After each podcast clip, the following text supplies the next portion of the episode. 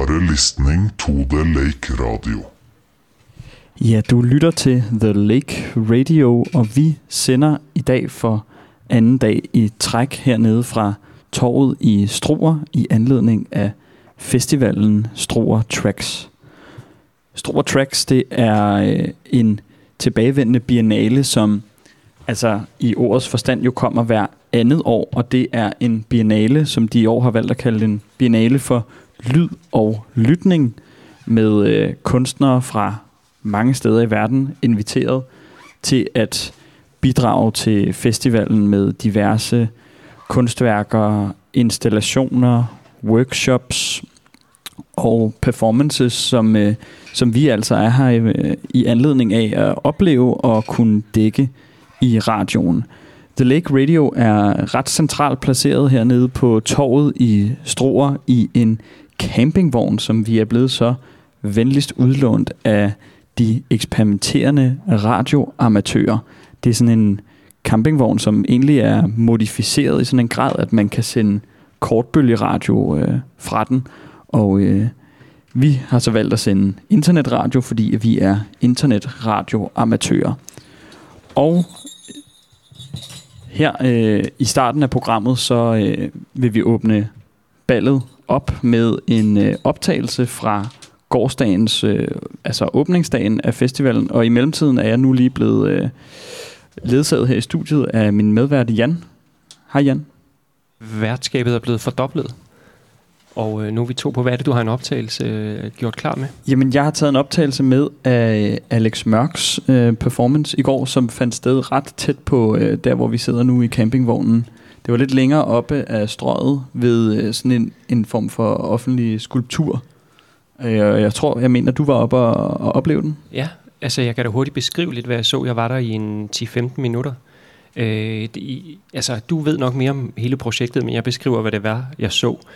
Det var en mikrofon på sådan et øh, landmålerstativ, sådan et rigtig orange landmålerstativ, som man tit ser, når der står folk og kigger ind i noget, der ligner et kamera rundt omkring i bybilledet eller ude i, øh, ude i det danske land, som man bruger til ligesom at måle, måle op med, når der skal bygges, eller hvis der skal anlægges motorveje eller højhus, eller hvad ved jeg.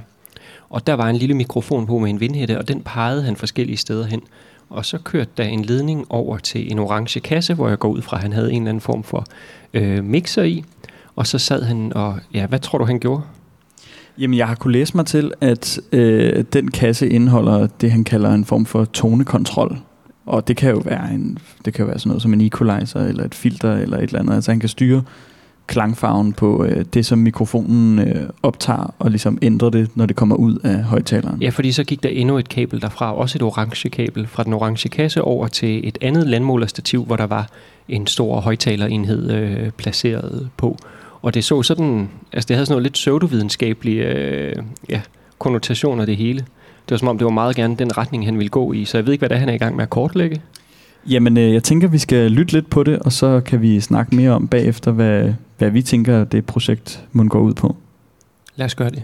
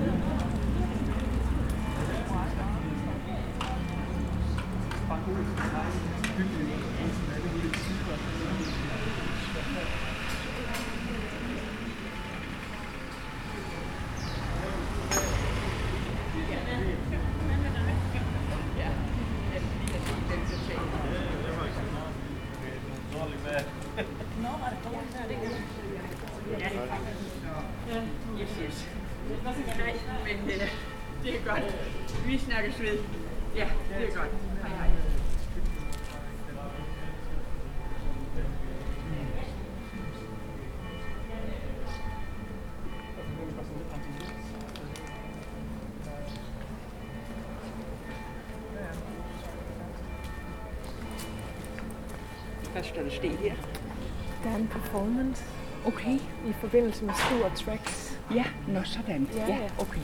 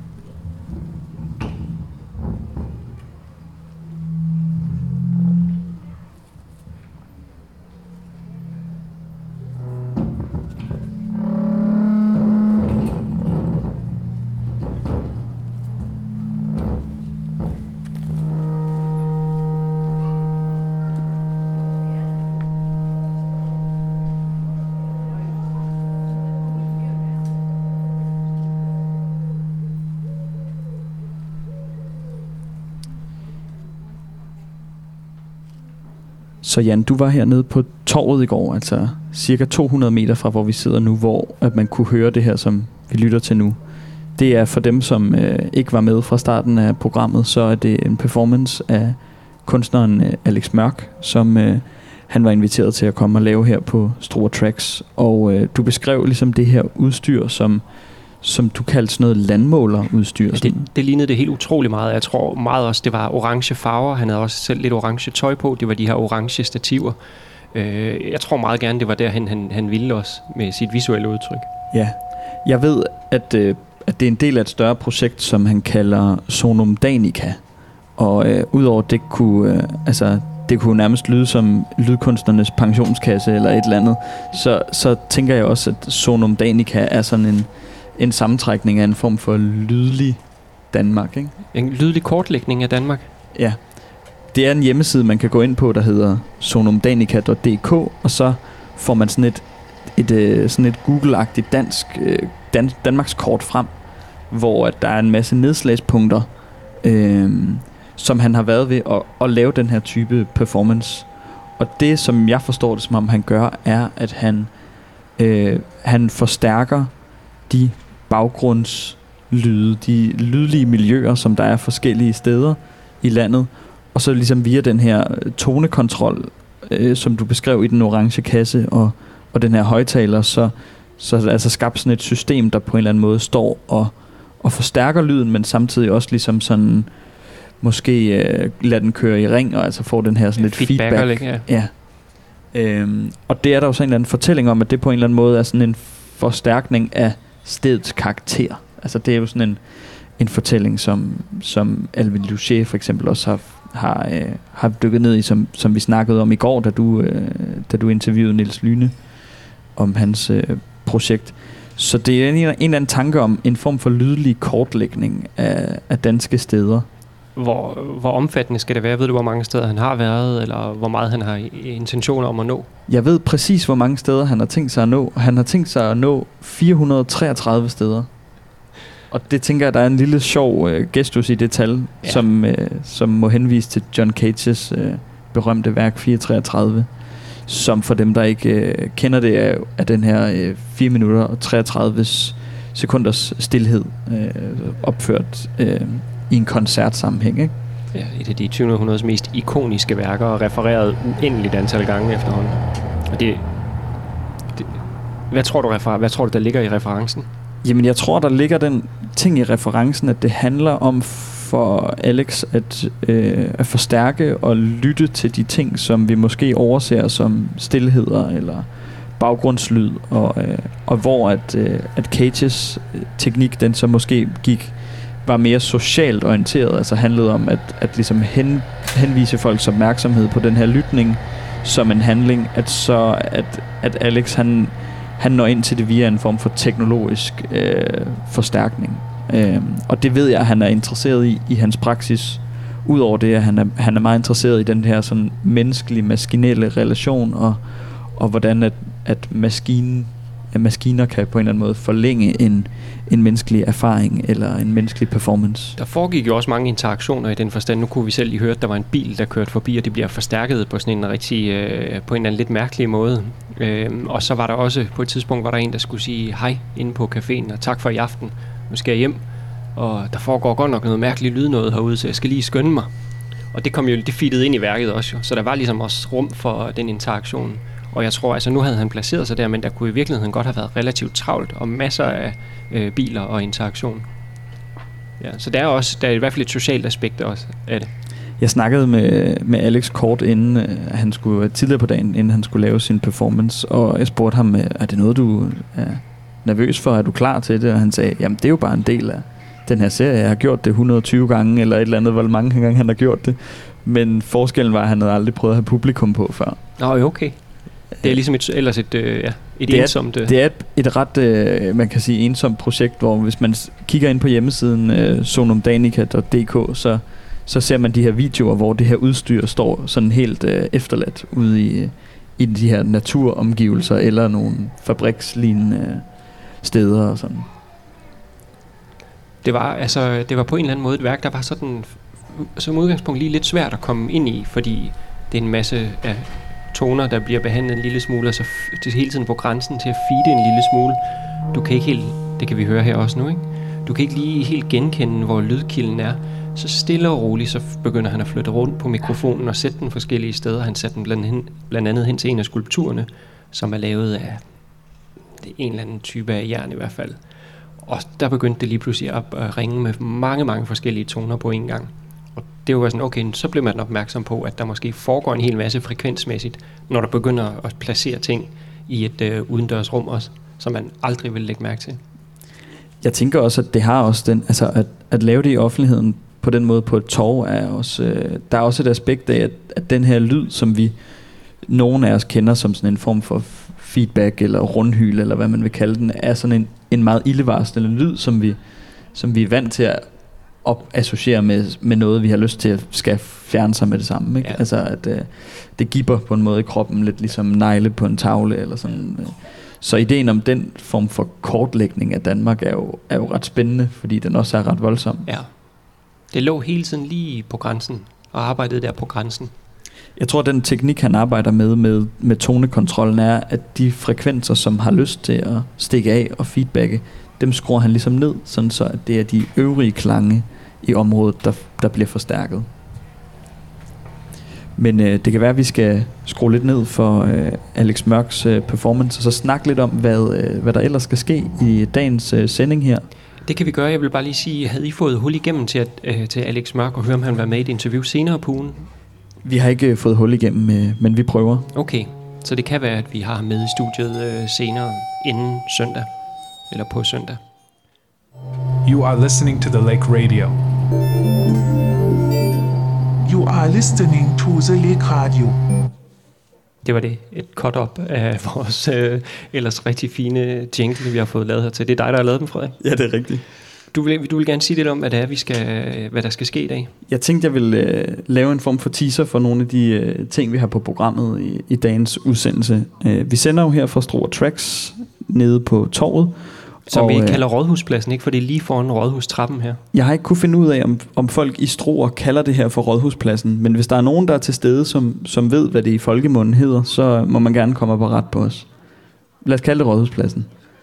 Og vi har nogle ret fede ting øh, legnet op på programmet i dag. Blandt andet et interview inden så længe med festivalens to hovedkuratorer, eller de, de primære kuratorer for festivalen, Jakob Eriksen og Mathilde Best. Så senere så har vi besøg af øh, nogen fra det øh, kunstkollektiv, der hedder Shortwave Collective. Og der, der ved jeg en lille smule om, hvad det er, der skal ske, fordi at øh, tidligere i dag, der holdt de en lille åben transmission, som man kunne deltage i, som var en samtale, som havde fokus på antennen eller radioantennen, og jeg tror egentlig, de har tænkt sig lidt at fortsætte den, øh, den samtale, altså med udgangspunkt i ideen om antennen. Antennen i forhold til radio, altså den her, øh, den her stang, der altid skal forbindes til, til radioen. Jamen, jeg vil sige, at vi arbejdede med antenne i et meget, meget udvidet begreb her, som også er, at øh, mennesker i sig selv kan være antenner. De indeholder også en lille smule øh, jern, og de kan også være receptive over for alle mulige ting, der foregår. Og så også selve ideen om antennen som noget, der kan modtage både fortid og fremtid, og øh, ja, sådan et meget udvidet øh, begreb. Og så bygger det jo faktisk en hel masse både transmittorer og modta- eller, ja, modtagere og forstærkere og højtalere dernede. Og det tror jeg, de vil fortælle lidt om. Blandt andet har de været ude og plukke en masse østers lidt længere herude af kysten, som de bygger om til, til radio, og de er altså vanvittigt flotte. Så har vi et lille segment planlagt, hvor at vi øh, har tænkt os at gå over og besøge en øh, skulptur, som er stillet op hernede på torvet. Øh, vi har taget noget trådløs udstyr med, som vi, øh, så vi på, forhåbentlig kan forlænge vores radiostudie ud på torvet og, øh, og altså prøve at aktivere den her øh, lydskulptur, der står ude på torvet. Og det er Morten Ries og øh, Ja, den er lavet i samarbejde mellem øh, Alexandra Instituttet og den duo, der hedder The Overheard, Okay, som ja. altså består af Morten Ries og øh, Marie Højlund. Marie Højlund, præcis. Den prøver vi at aktivere efter interviewet her. Værket hedder Vi lytter sammen, og det er opført i 2020. Og allersidst på programmet i dag øh, kl. 16, så sender vi det øh, program, som vi har på The Lake, der hedder Chest. Og det bliver sendt i en speciel Struer Tracks podcast, postkort version. som er ja, podcast, pod, pod, podcast, pod, podcast, som er podcast, som er er postkort, som er postkort her fra øh, Struer øh, Tracks til både til alle lytterne, men også til, øh, hvad hedder det, Chestes normale anden medvært, Iva. Så Iva, som ikke kan være her. Nu tænker jeg, at vi hører et lille stykke musik, og så ser vi, om vi er klar til at stille om til et uh, interview. Modern banking. Online banking, private banking, secret banking, silent banking, subtle banking, discreet banking, confidential banking, anonymous banking, overseas banking, over the knees banking, upstairs banking, backdoor banking, badly behaved banking, VIP banking, CCTV banking, RSVP banking, Teletubby banking, Lala banking, Haha banking, Wishful banking, Whitewash banking, Dry clean banking, Stain free banking, Ephemeral banking, Effortless banking, Thin as air banking, Almost not there banking, so hidden it's almost forgotten banking, so soft it almost feels like cotton banking, somewhere up in the clouds banking, oops I hit it again banking, woke up like this banking, not woke but aware banking, what's in your pocket? You happy to see me? Banking, hole in the ground I hit it there, banking, got a designer wallet but not much in it banking, at the back of my head banking, at the tip of my tongue banking, under the sole of my feet banking, doing my head in banking, bank, bank, bank, bank, bank, bank, banking. Knock, knock. Who's there? Banking. Your accountant's mother banking. Up your ass banking. Breathing down your neck banking. Stabbing an open wound banking. Stirring the coffee in the cream banking. Severely senile banking numerical dyslexic banking, poor but sexy banking, sexy but bankrupt banking, sexy pinstripe suit banking. It's got inner pockets banking. That's where I keep my cash banking. Nothing between me and my expensive underwear but my own expenses. Banking.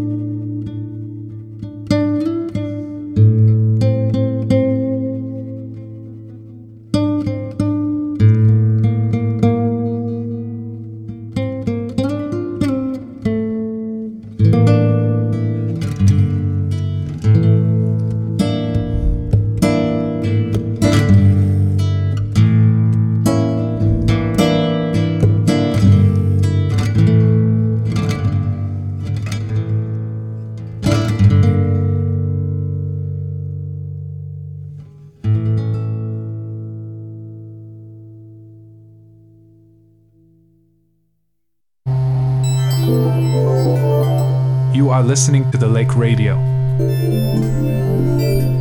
You are listening to the Lake Radio. Live from Struer Tracks. Ja, Frederik. Den der, den skal slukkes for. Jeg skal nok vise dig, undervise dig lidt i uh, teknikken her bagefter, så vi ikke får de her halve jingles i tid og utid. Jan har taget en iPad med, som jeg er, er ved at lære at kende, men øh, den, den kan nogle ting, og nogle ting Det kan den også. Og så uh, vi har to gæster i studiet her. Vi lige høre om jeres mikrofon, at om der er hul igennem. Det er Jakob Eriksen og Mathilde Best. Hej. Hej. Og I er henholdsvis uh, de to kuratorer ikke? bag den her festival Struer Tracks. Det er sandt. Kan I, kunne I have lyst til, altså det er det helt store spørgsmål, kunne I have lyst til overordnet, det er måske mest jer- til Jakob som udgangspunkt, at beskrive eller præsentere festivalen? Hvad er dens ambitioner, dens historie? Måske også lige reflektere over, hvad er dens sådan, status, hvad er det, den gerne vil? På, Ja, 10 på, sekunder. Ja, på 20 sekunder. Ikke? Ja. Ja. Nej, kan lige bare få at starte et sted og præsentere ja. vores lyttere for, hvad er det overhovedet for en festival, og så går vi længere ned i, hvad er det for nogle værker, der er med, hvad er det, I har kurateret ud fra. Jamen, Struer by er øh, lydens by, og lydens by er et økosystem, hvor kultur og kunst er lige så stor en del af det som øh, Øh, elektronisk innovation og øh, kommersielle produktudviklinger og undervisning i lyd osv. Så, videre. så vi står så for lydkunstdelen af den, og ambitionen med det er at, at, at ja, virkelig at gå hånd i hånd, men også at være, øh, altså vise, at, at Struer vil det med lyd øh, på et øh, højt internationalt niveau, og det synes jeg, vi er kommet meget godt i mål med med årets øh, program. Og festivalen, hvor mange år har den fundet? Det er jo en biennale, den findes hver, hver andet år, øh, og er startet i 2017, så vi er i gang med den fjerde version. Kan I sige noget om, altså nu har I, du nævnte i går i din tale, at det var strømninger, som sådan var øh, hvad hedder det, festivalens tema i år. Men kan I sige noget om, hvad er det, I har kurateret ud fra? Hvad er det for nogle kunstnere, I gerne vil have med? Eller hvor, og hvordan vil I gerne sætte dem i spil i forhold til byen og sådan? Strømninger kom nok som en slags reaktion på, at det har været rigtig svært at øh, arbejde med, med øh, varende kunstværker i byrummet, som skulle blive stående for tid og evighed som en, en bronzestatue. Så vi fokuserede på nuet, øh, et, et, et nu, som så forsvinder, når festivalen er forbi. Så øh, med det øh, gik vi ellers bare i, i kød på, hvem, hvem, hvem, hvem, hvem er det, der, der laver noget interessant inden for det. Du må gerne, det er dig, der er mikrofonholder, så nu giver du den videre til Mathilde, så hun kan komme på banen. Ja, jeg tror, jeg kan tilføje, at altså, vi startede med det her lyden også som et flygtigt materiale, som vi talte om. Øhm, ja, det var ligesom det, vi dvælte ved i noget tid, indtil vi kom frem til strømninger. Øh, og så kom der, blev, der, blev der lagt nogle temaer på med elektricitetens strømninger, de kulturelle strømninger, tidens strømninger, politiske strømninger, øh, som sådan en, en bevægelse. Øh, og ja, udover både de midlertidige værker øh, og den midlertidige lyd, så tror jeg godt, vi kunne lide tanken om det her med at skabe en festival, der satte fokus på de ting, der hele tiden er i bevægelse omkring os. Og jeg tror, det er noget af det, der går igen i alle værkerne. Og det er jo både på godt og ondt. Altså, der er, jo, der er jo ting, der gør, at ting er forandret lige pludselig, og så må man forholde sig til det. Så derfor er flere af værkerne også meget øh, eksplicit politiske. Øhm, og det er jo noget, kunsten kan, at øh, sætte et politisk fokus på øh, nogle tendenser, der er i verden. Kan I komme med et eksempel på det? Jamen, altså et rigtig godt eksempel, måske det mest eksplicite øh, politiske værk, er Granulation Pacific Drift af, af Emma Kangis og Eliki Reed og øh, øh, Mira Naili Takao, som er ude i Molehuset, som handler om, at klimaforandringer øh, har en direkte betydning for Fiji og de omkringliggende øgrupper i Stillehavet. Stort set på den anden side af, af jorden, hvor vi sidder her i øh, rolige stroer, øh, er øgrupperne ved at blive oversvømmet, og der er måske ikke noget, der hedder Fiji om 50 år. Så at få fortalt den historie er utrolig vigtig og øh, meget politisk. Så jeg vil gerne stille lidt opfølgende spørgsmål som omkring det her med, det, det er det nummer to spørgsmål, jeg har skrevet ned i mit lille manus her, det handler lidt om det der med det offentlige. Altså, øh, hvordan I har tænkt i, og, i forhold til kurateringen og det offentlige rum. Det sagde I en lille smule om, men i det hele taget det offentlige rum, for, altså og både at være, nu prøver jeg lige igen, i det hele taget det offentlige rum som et rum for kunst. Har I nogle refleksioner over, over det? Ja, det har vi jo. Altså, jeg tror, udgangspunktet har været at finde de bedste placeringer her i Struer øh, til de værker, vi nu engang præsenterer rundt omkring. Øh, og der har Struer sådan sine, øh, sine fordele og sine begrænsninger. Øh, men vi fandt nogle fede områder nede ved det gamle slagteri øh, her på Struer Havn. Og så har vi sådan egentlig bevæget os sådan lidt op gennem byen til lystanlægget og det gamle mulehus derude på havnen. Øh, der er helt klart nogle hensyn, fordi folk de falder over værkerne øh, her i Struer, også i en by, hvor man måske ikke er vant til at møde kunsten sådan på hvert andet gadehjørne. Øh, så det har helt klart været noget, man har skulle tænke over i forhold til... Ja, det er i hvert fald et hensyn, der skal tages. Øh, og så at der er nogle tilgængelige værker, som måske ikke kræver alt for meget for at kunne gå til. Ja, og så har vi jo også altså, både fokuseret på det her offentlige, at man sådan rent faktisk snubler over nogle værker, at der er noget kunst der, hvor man plejer at have sin øh, øh, gang i dagligdagen, øh, men så også at åbne op for nogle ikke så tilgængelige rum, altså som indenfor på det gamle andet slagteri, Dansk And, hvor der jo ikke nogen, der kommer andet end hvis man har arbejdet der. Og nu er det stået øh, tomt i tre år, så der er ikke nogen, der har været derinde øh, i tre år, uden hvis man brød ind, hvis der var nogen, der har, har gjort det. Øhm, så, så, så, så både det offentlige, men også det, det ikke tilgængelige offentlige rum. Så det er en mulighed for jer, når I kuraterer lidt at udforske byen også, og de forskellige potentialer, der ligger i de rum. Der, der er helt klart en, en mulighed for at sætte øh, nye vinkler på, hvad, hvad, hvad, hvad Struers potentiale er. Ja. Og det er jo måske også et sted, hvor et Struer kan noget specielt, som jeg forestiller mig, I har arbejdet med at kuratere øh, kunst andre steder, i måske byer, som, øh, som har nogle andre dynamikker på spil. Og, og kan I sige lidt om, hvad det er, Struer kan specifikt? Altså, de, I snakkede bare, Mathilde, du nævnte noget med, at der er udfordringer, og der er fordele ved at, at være sådan et sted her. Hvilke nogle fordele ser du ved at, at skulle finde steder til at, at udstille en video, for eksempel, i, øh, i Struer? Mm. Jamen altså, vi har jo været rundt omkring i byen, og vi har været inde i mange bygninger. Øh, blandt andet Dansk An. Vi har været inde i jamen, adskillige bygninger, der står tomme, og finde ud af, hvad det, hvad det der egner sig bedst til de her værker, som vi har, vi har valgt ud. Øh, jeg tror, måske den største fordel ved Stro er, at der er så fantastisk kort vej mellem mennesker. Og det har måske ikke så meget med øh, placeringen af kunsten i byrummet at gøre, men der er virkelig meget, der kan lade sig gøre. Øh, og det er meget nemt at ringe til hinanden og få adgang til forskellige lokaler og lån af forskellige materialer. Og det er virkelig en fantastisk ting ved at, at lave ting her i Struer. Nu I har nævnt Dansk An. Er der andre øh, lokal, lokaliteter rundt omkring, hvor der er værker, som er sådan lidt øh, særlige eller specielle? Molehuset har vi jo også fået adgang til gennem Mole, og jeg vidste, at der var en lille intervention i går, fordi at de lokale sejlere, de, de, øh, de hvad hedder det, øh, ja, de ja, sender startsignaler og hvad hedder det, tager tider på sejlerne til onsdagskapsalæsen, så der var vist en inde og gøre det i går midt i udstillingen. men det er jo sådan nogle ting, der sker, men der er plads til det hele, og det er skønt. Vi kommer også i, i morgen fredag øh, indenfor øh, i de helligste lokaler på Bang Olufsen, hvor vi har tre performances i det, der hedder Kuben, eller The Cube, som er en, øh, ja, en kubisk rum, 12 x 12 x 12 meter, hvor at Bang Olufsen tester deres øh, højtalere.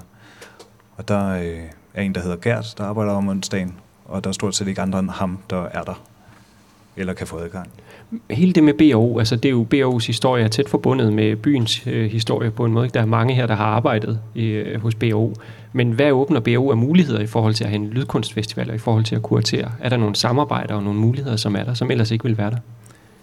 Først og fremmest er det jo BO's øh, skyld eller fortjeneste, at der overhovedet er noget, der hedder Lydens By, og der er kæmpe fokus på lyd generelt i Struer. Det har affødt en, en masse mindre virksomheder og initiativer øh, og en kultur øh, omkring lyd, at, at BO, BO har haft så stor en øh, succes, som de har haft internationalt. Øhm, og så rent konkret her i, i forbindelse med, med Struer Tracks har det været en tradition, at, at der er et, et tæt samarbejde med Bang Olufsen øh, om at udvikle øh, værker både konceptuelt og, og rent teknisk. Øh, så, så de har været inde over øh, Cranulation, som er nede på, i Molehuset, og bygget, øh, designet og bygget en subwoofer lydbænk, som gør, at det bliver et utroligt fysisk værk, øh, man kommer ned og, og, og oplever, og ikke bare et lytteværk, men at, at man, man, man føler, at man er i det med hele kroppen, og ikke bare med ørerne. Øh, og så har de også indgået et tæt samarbejde med Shortwave Collective og deres øh, radioudforskninger, øh, øh, og blandt andet åbnet deres skraldespanden for dem, øh, så de kan, kunne, kunne tage en masse øh, gammel øh, skråt og ravelse fra, fra BRO's gemmer. Jeg husker også, hvis jeg kan skyde noget ind her, at øh, være til, og det er jo så før jeres tid i arbejde med festivalen, men at for fire år siden, da jeg var og besøgte Store Tracks, at øh, Christian Skødt havde lavet et øh, ret specielt værk nede på havnen i, øh, i det her, den her silo, mener jeg det var, som hed The Receiver, som også var udarbejdet i samarbejde med med BRO, altså, og som var meget tydeligt, at det, fordi det var sådan et, et måleinstrument, der stod på taget og modtog et eller andet signal fra solen, eller sådan, og så nu, det her højtaleranlæg, der var på alle, alle etager af bygningen, som ligesom var specielt bygget sammen med BRO, og der var ret, det var ret tydeligt, at det var altså sådan et værk, der ikke rigtig kunne blive til andre steder, fordi det, det greb så meget fat i, i noget, der ligesom hed meget konkret stroer, både via BRO og så den her store øh, forladte bygning, der stod ned på, på, på, på øh, havnen. Øh, ja, så, så det tænkte jeg i hvert fald var et ret specielt øh, værk. Det er jeg ked af, jeg gik glip af. Men jeg tænker på en ting, øh, øh, altså, du blev peget på som kurator. Hvad var det første, at der ligesom gik i gang med den her proces? Hvad var det af de værker, du, eller kunstnere, som du rigtig gerne ville arbejde med, som du rigtig gerne øh, kunne tænke dig skulle lave noget? Jamen, mig og Jacob, vi satte os jo ned, fordi vi har skabt øh, store tracks som et kurator-team. så på den måde havde vi nogle samtaler frem og tilbage. Men øh, jeg tror ikke, det er nogen hemmelighed, at jeg gerne ville have William Kudal med, faktisk. Øh, som er med her i The Lakers. Øh, med hans indslag, som han har det her værk med, med, med øh, Venø-fæven, fævetid. Ja. Vi har ham i radioen lidt senere på ugen, vi interviewer os selv. Ej, det er Williams værk, øh, var vi nede og se i går. Det er fantastisk øh, fin lille øh, et portræt af Venøfærgen og dens to medarbejdere, eller to af dens medarbejdere. Var der nogle ting, som du rigtig gerne ville have skulle komme? Det er også dit første år jo, som, øh, som leder af... Øh, ja. Man kan jo sige, at jeg, øh, jeg var på det tidspunkt ikke så kendt i Struer, så øh, for mig var det vigtigt at have øh, den ypperste med lokalkendskab som, som medkurator, så derfor øh, spurgte jeg Mathilde og som heldigvis sagde ja. Øhm, jeg ville jo gerne have, at det bare skulle være højt internationalt niveau, øh, samtidig med, at, at der var en god, øh, øh bred udvalg af, af danske kunstnere. Øh, og det synes jeg, vi er kommet rigtig godt i mål med. Øh, et, et, måske et underfokus, som, som man ikke snakker så meget om, når man snakker øh, kuration eller kuratering af kunstværker, det er, at vi vil meget gerne have folk, som det er rart at arbejde sammen med. Øhm, det er lang tid, man bruger på at skabe sådan en festival. Og øh, arbejdsmiljø er bare et og alt. Øh, det kan dræbe øh, alle gode idéer og, og intentioner. Så, øh, så vi havde noget indgående kendskab til, til, til, hvordan de her kunstnere er også lidt personlige. Og vi har, altså det fortrøder jeg på ingen måde, at vi har fokus på det. Øh, sådan at det bliver en fejring af, af lyden og lydkunsten og stroer øh, på, på et øh, højere niveau derigennem. Det er helt klart en pointe, som jeg tror, alle, der nogensinde har været med til at afvikle en festival, kan genkende, at det er rart at have arbejde med folk, der er rare at arbejde med. Altså jeg tænker lidt på faktisk, om, nu har vi ikke snakket meget særligt specifikt om værkerne, næsten kun om, øh, ja, om Williams værk og om... Granulation. Yes, men om der er et af de andre værker, I vil prøve lige at fortælle om, vi sidder med en hel masse lytter her, som ikke kommer til at opleve dem, og som ikke er her, så vi prøver at formidle alt, hvad vi kan, hvad det er, øh, hvad det er der sker gennem interviews og gennem nogle dokumentationer. Men måske kunne det være rart at høre fra jer, prøve at beskrive et af værkerne, som I er, er rigtig glade for. Du giver bare flux mikrofonen videre til Mathilde. Jamen, jeg tror, en af de værker, som Jakob og jeg også var sådan meget enige om, skulle med på Store Tracks, det var Komorebi af Matteo Mangoni og Dieter Van Doren nede fra øh, Hague øh, som befinder sig op i lystanlægget i sådan en større udendørs øh, version, men som også findes inde i Dansk And i en indendørs version. Og jeg ved, I også måske har talt med dem selv. Men det er et meget fint værk, der har været to år undervejs, øh, som består af de her 100 øh, sådan små elektroniske væsener, som de har udviklet.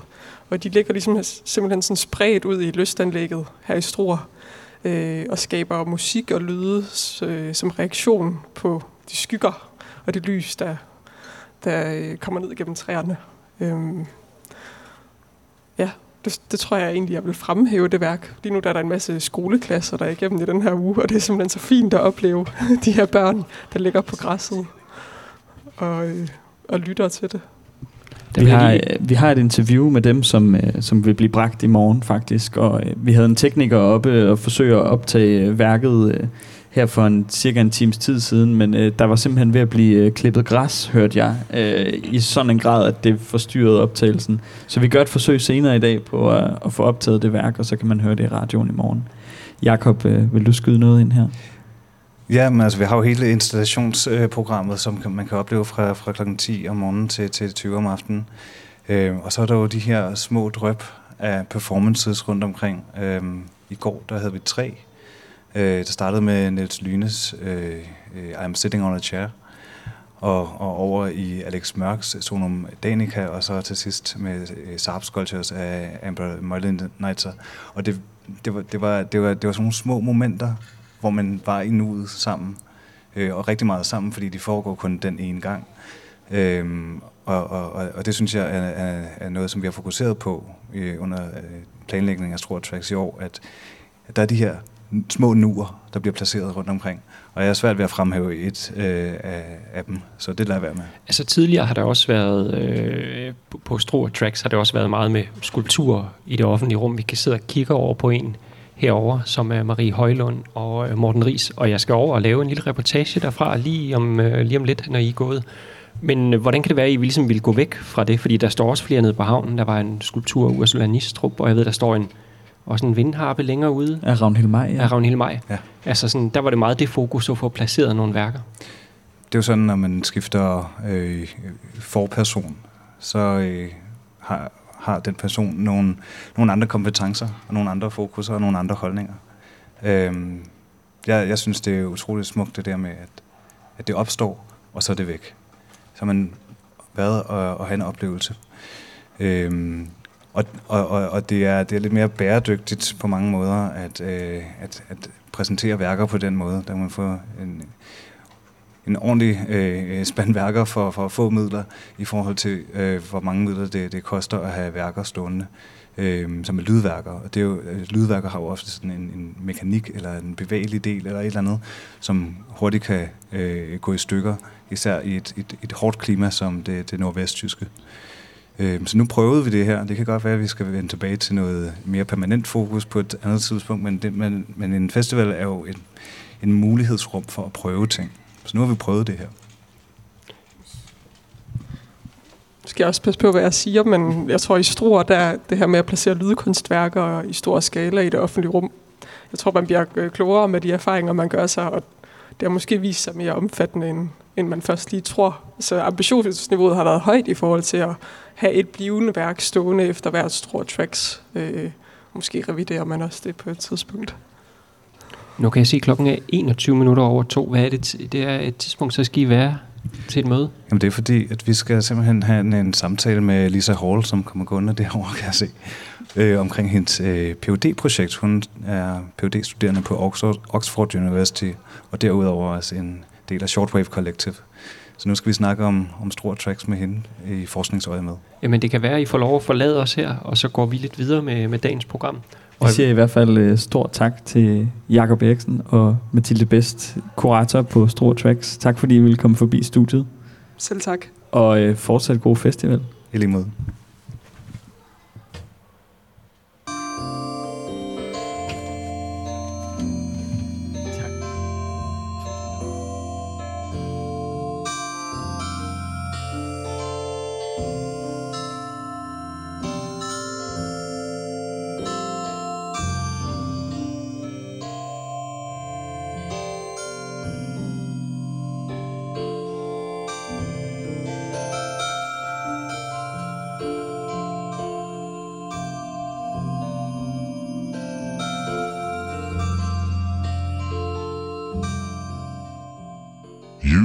You listening to the Lake Radio. Du lytter altså til The Lake Radio. Vi sender live fra Struer Tracks Biennale for lyd og lytning, selv sagt i Struer. Og vi sender ned fra torvet, øh, også kendt som Rådhuspladsen, i en lille campingvogn, som er blevet modificeret til at være et radiostudie. Jeg sender sammen med Jan Strikker. Vi har lige haft øh, Jakob Eriksen og Mathilde Best i studiet, de to kunstneriske ledere, eller kuratorer, om man vil sige, for festivalen.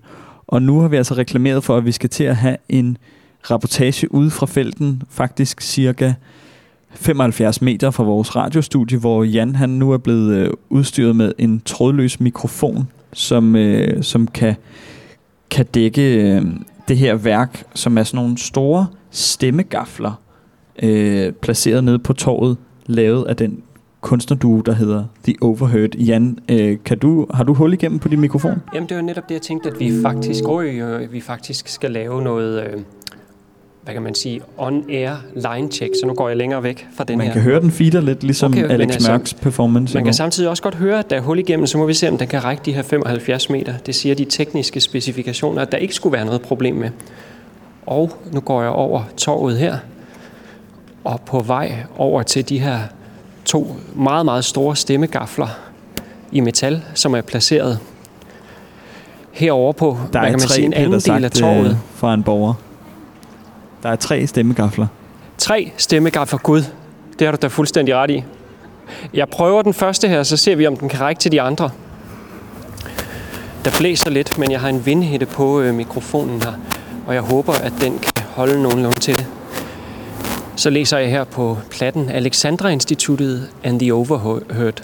Vi lytter sammen 2020. Og så står der faktisk også materialerne af rustfrit stål, akryl, LED, højtalere og stemmer fra Struer. Nu prøver jeg at slå på den. Der er sådan et, et piktogram af en hånd her, som man skal give et bank. Lytter. Lytter.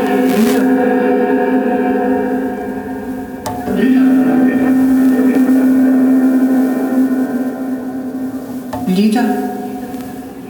Lytter. Lytter. Lytter.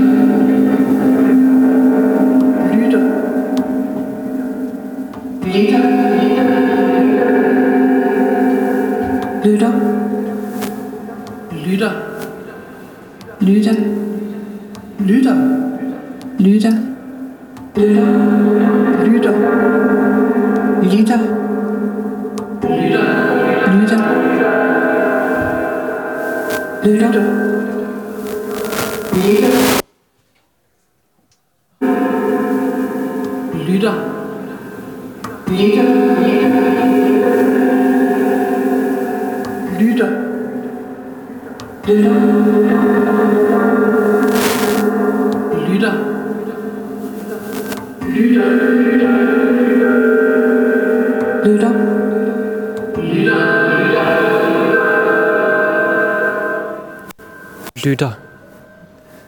prøve at bevæge mig videre over til øh, den næste. Vi lytter sammen. Jeg har faktisk ikke undersøgt det her på forhånd. Jeg går ud fra, at man kan slå på dem alle tre. Goddag.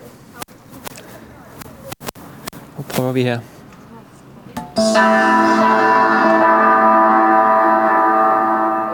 Det var straks en anden, øh, ja, en anden form for lyd og en anden følelse her. thank you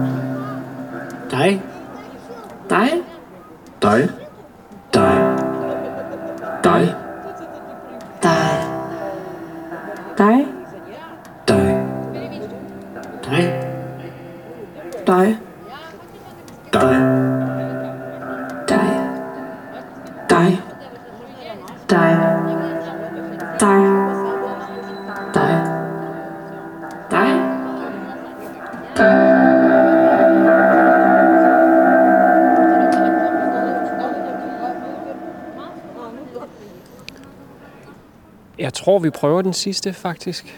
Den er lidt rundt om hjørnet, hvor jeg får øh, tommelfingeren opad overfra. øh, campingvognen, som jeg faktisk stadigvæk kan se. Men når jeg går rundt om hjørnet her, så kan jeg ikke se jer længere, så må vi se, om transmissionen rækker. Jeg kan lige forklare, at de her store stemmegafler, hmm, hvad vil jeg sige, 5 meter høje måske, og de står så ned i en i et hulrum, som er, ligner et meget stort kloakdæksel, hvilket vil sige, at der er jo en eller anden form for øh, ja, rum til at resonere med her nedenunder. Vi prøver her også.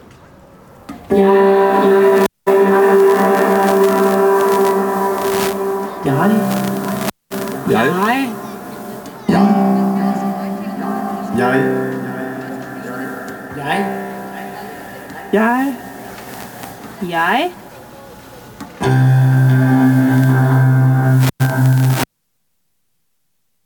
Altså man kan jo godt få den tanke, og det er ikke for at nedgøre værket overhovedet, men at værker, der laver lyd på den her måde, at, øh, det, gør- at det kunne være så lidt være invasivt på en måde. Det er også, altså, det er jo højt.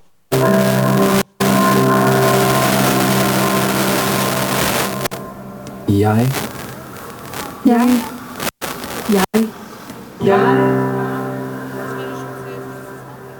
Jeg. Jeg. Jeg. Jeg. Jeg. Jeg. Jeg. Jeg. Jeg. Jeg. Jeg tror stille og roligt, at jeg går tilbage, men man kan jo på den anden side sige også, at øh, det er jo sikkert mange byens beboers stemmer, som er inkluderet i værket. Det vil sige, at der er gjort noget for, at, at der er mange, der har et forhold til det på forhånd. Der er i hvert fald både stemmer af ældre og børn også, kan man høre.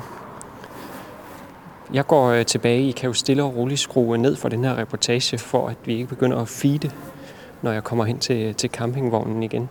Så kan vi måske lige i fællesskab en lille smule reflektere over både måske værket og det der med offentlige skulpturer.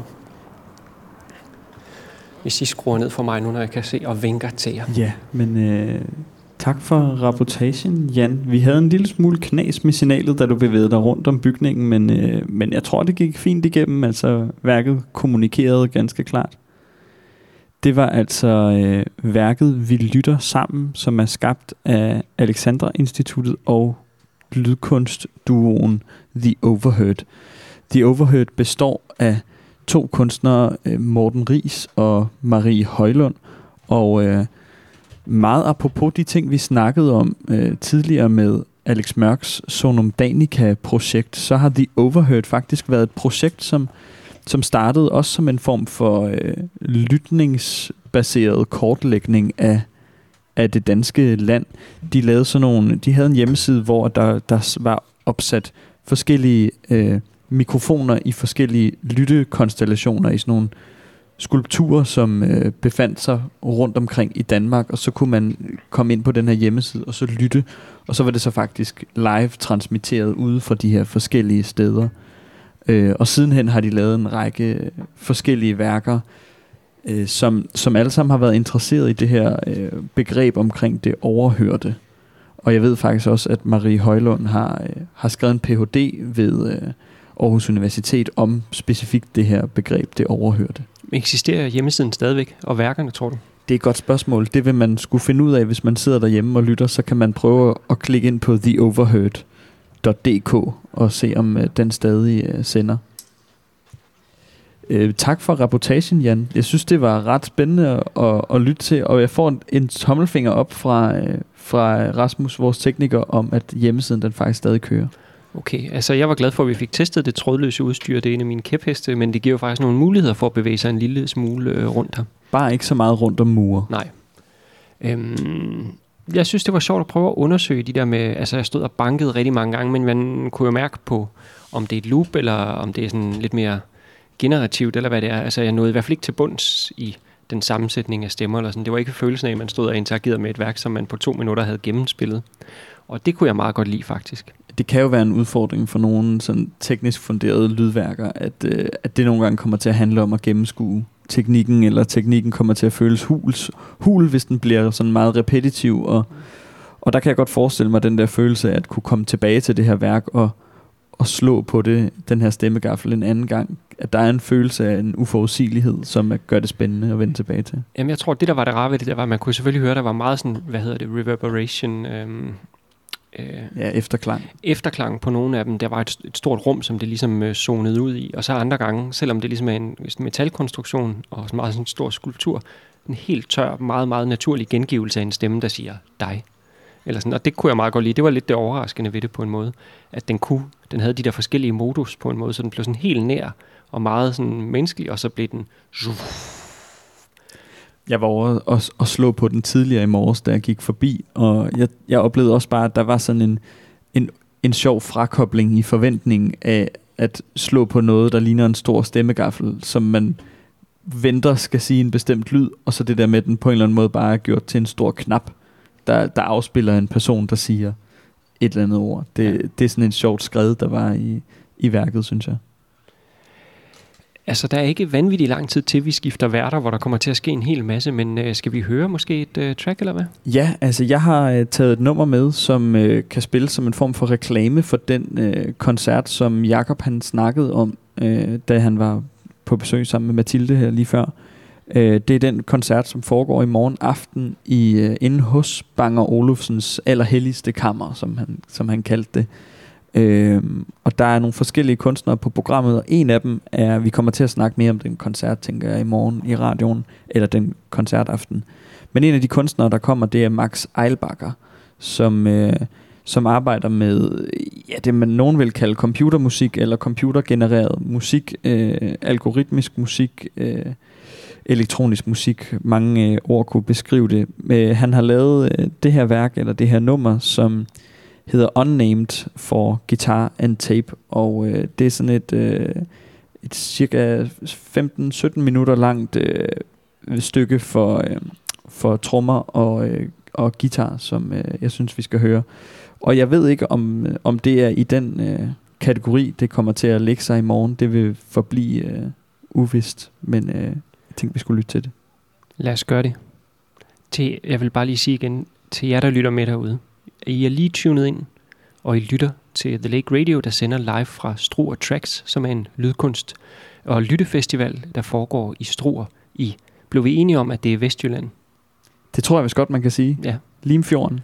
Og øhm, det gør vi hver dag fra kl. 13.30 til og med på, øh, på søndag. Så bare så er I orienteret, og efterfølgende kan man finde udsendelserne øh, inde på The Lake Radios øh, SoundCloud, eller hvis man abonnerer på vores podcast feed. Så det var bare en form for oplysning til borgere om samfundet. Og nu kommer Max Eilbacher.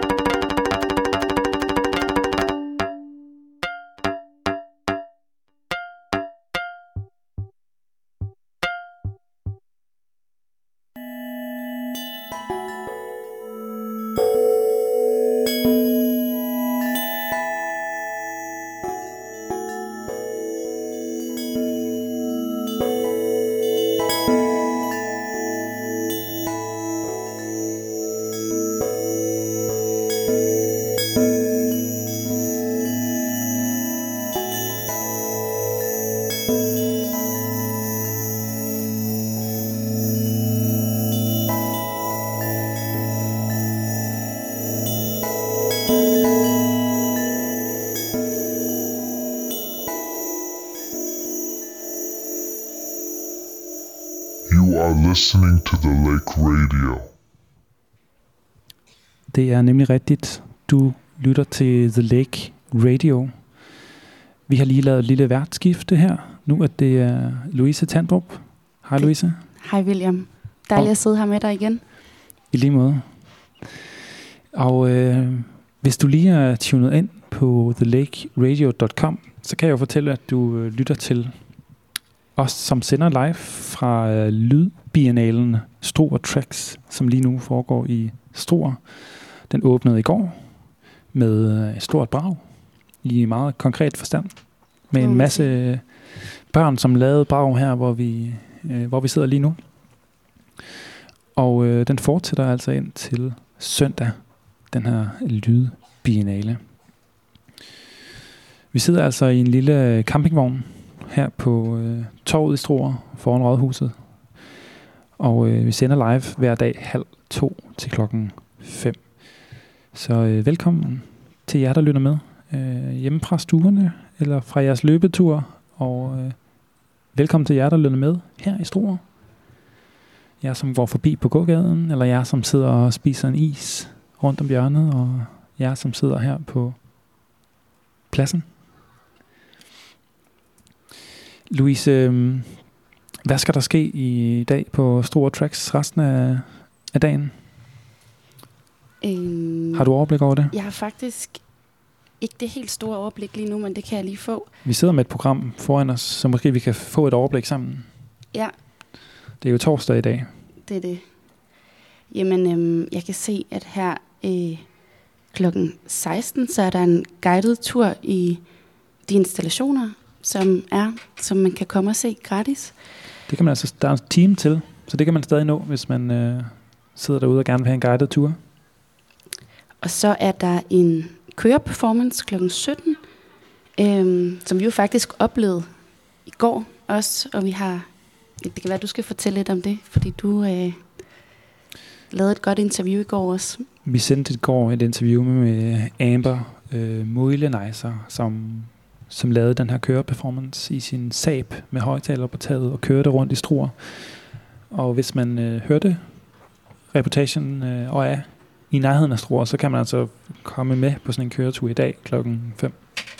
Ellers, hvis man synes, det lyder spændende, så kan man også høre reportagen i udsendelsen fra i går, som ligger som podcast. Ja, og så her kl. 19.45, der har Shortwave Collective en DIY radio performance. Og den glæder jeg mig utrolig meget til, vil jeg sige. Øh, vi har allerede været nede i dag og tale lidt med dem, og vi får dem faktisk også her i studiet øh, inden længe, om 5-10 minutter. Der er faktisk kun 3 minutter til, vi har aftalt med dem, at de kommer. Til sidst så, øh, eller det sidste programpunkt for i dag, det er, at øh, Interspecifics, de laver en performance. Øh, og det tror jeg, det er nede i Slagterhuset her klokken 21.30. Så der er meget at, der er meget at se til, hvis man øh, skal se det hele. Det må man sige. Og altså, når vi ikke øh, sidder her og laver radio, så er vi jo også selv ude og, og opleve nogle performances og kigge på installationerne. Og øh, i går aftes, der var vi til faktisk inde at se din installation, William, som vi jo også øh, skal snakke lidt om på et tidspunkt. Øh, kan du ikke lige sige, hvad den hedder? Den hedder Færgetid. Og hvor kan man finde den? Den kan man også finde nede i øhm, det, der hedder Dansk And, altså også omtalt som, som Slagterhuset. Jeg vil i hvert fald give en kæmpe anbefaling om, øh, til alle folk om at gå derned, fordi det var virkelig en, øh, en spændende oplevelse, vil jeg sige. Øhm, Det var pænt af dig. men en anden person, vi jo så også øh, har mødt lidt, mens vi har gået rundt her, som også har siddet ved campingvognen og givet os blomster, og som har lyttet med, det er Bonnie Nuka. Og øhm, i går, efter vi havde set øh, din videoinstallation, så øh, stod vi lidt nede på havnen, og solen var ved at gå ned. Og øh, der var nogle lyder, nogle måger, så jeg fik lyst til lige at stikke min optager frem. Og lige pludselig så endte jeg øh, i en samtale med Bonnie. Øh, jeg synes, I skal prøve at lytte lidt til, hvordan Bonnie lytter til Struer. Goddag. Goddag. Kan, hvor, kan du få beskrive, hvor det er, vi står lige nu? Vi står nede på Struer Havn, en af de mest rolige steder, både om aftenen og om morgenen. Og så kan vi simpelthen se morgerne, hvor der er roen, fordi at vi kigger på Industrihavnen.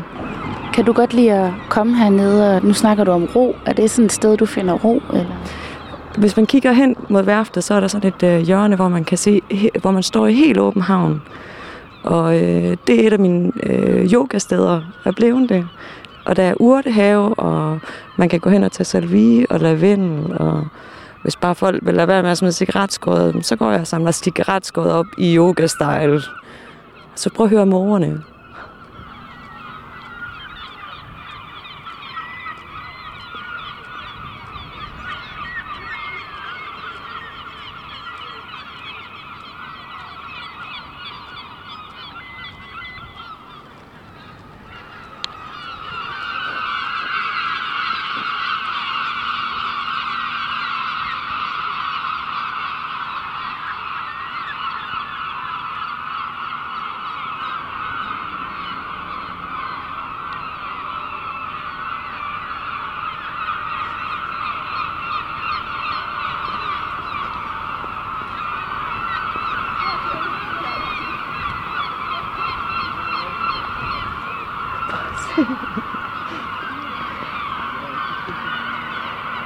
Har du nogensinde set noget lignende?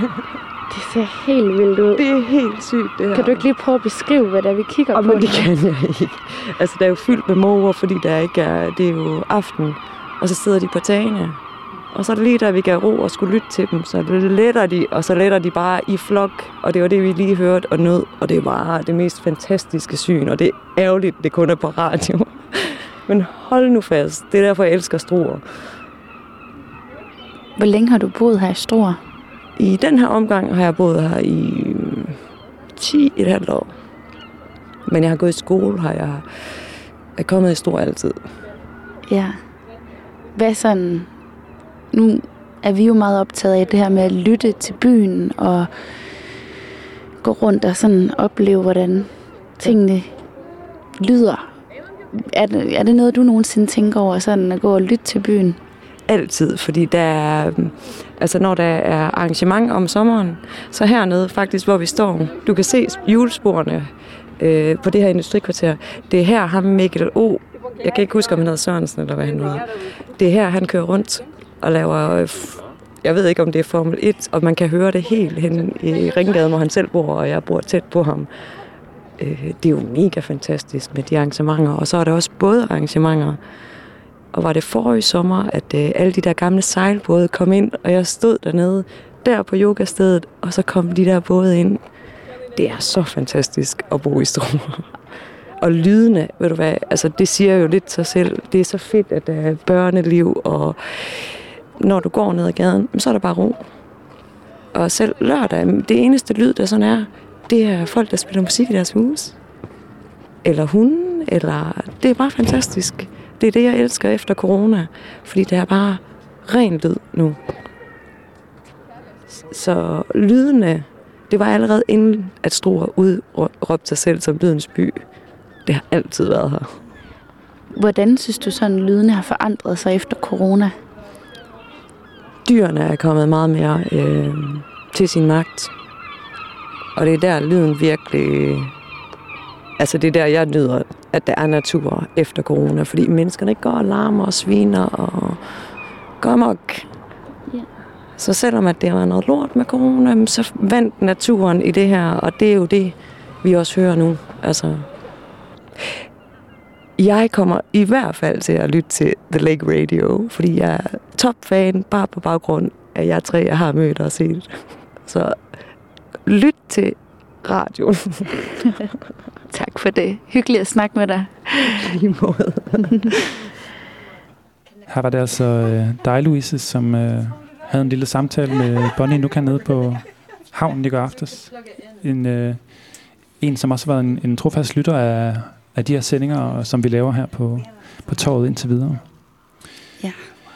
Nu spiller vi lige et øh, lille stykke musik, og øh, efter det stykke musik, så øh, får vi besøg af to af medlemmerne fra øh, kollektivet Shortwave Collective. Um, du lytter altså til The Lake Radio live fra øh, Stor Tracks. Nu kommer der et øh, nummer med Theodore Kale Schaefer, som øh, hedder Trust.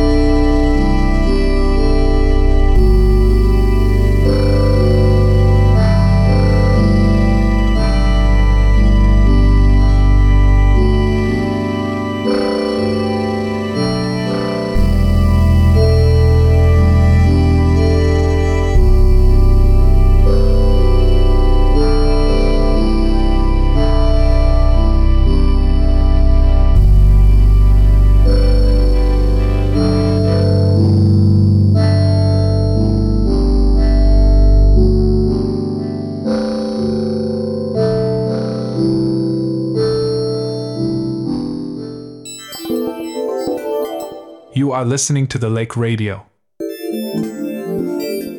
You are listening to the Lake Radio.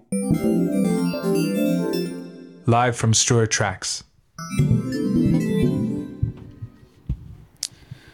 Okay, so um, now we're doing um, two small changes. We have done a small change in people in here. Uh, there's now two people from um, Shortwave, Co- Shortwave Collective here, and we're also doing a change in uh, language because um, Shortwave Collective doesn't speak Danish, uh, I assume.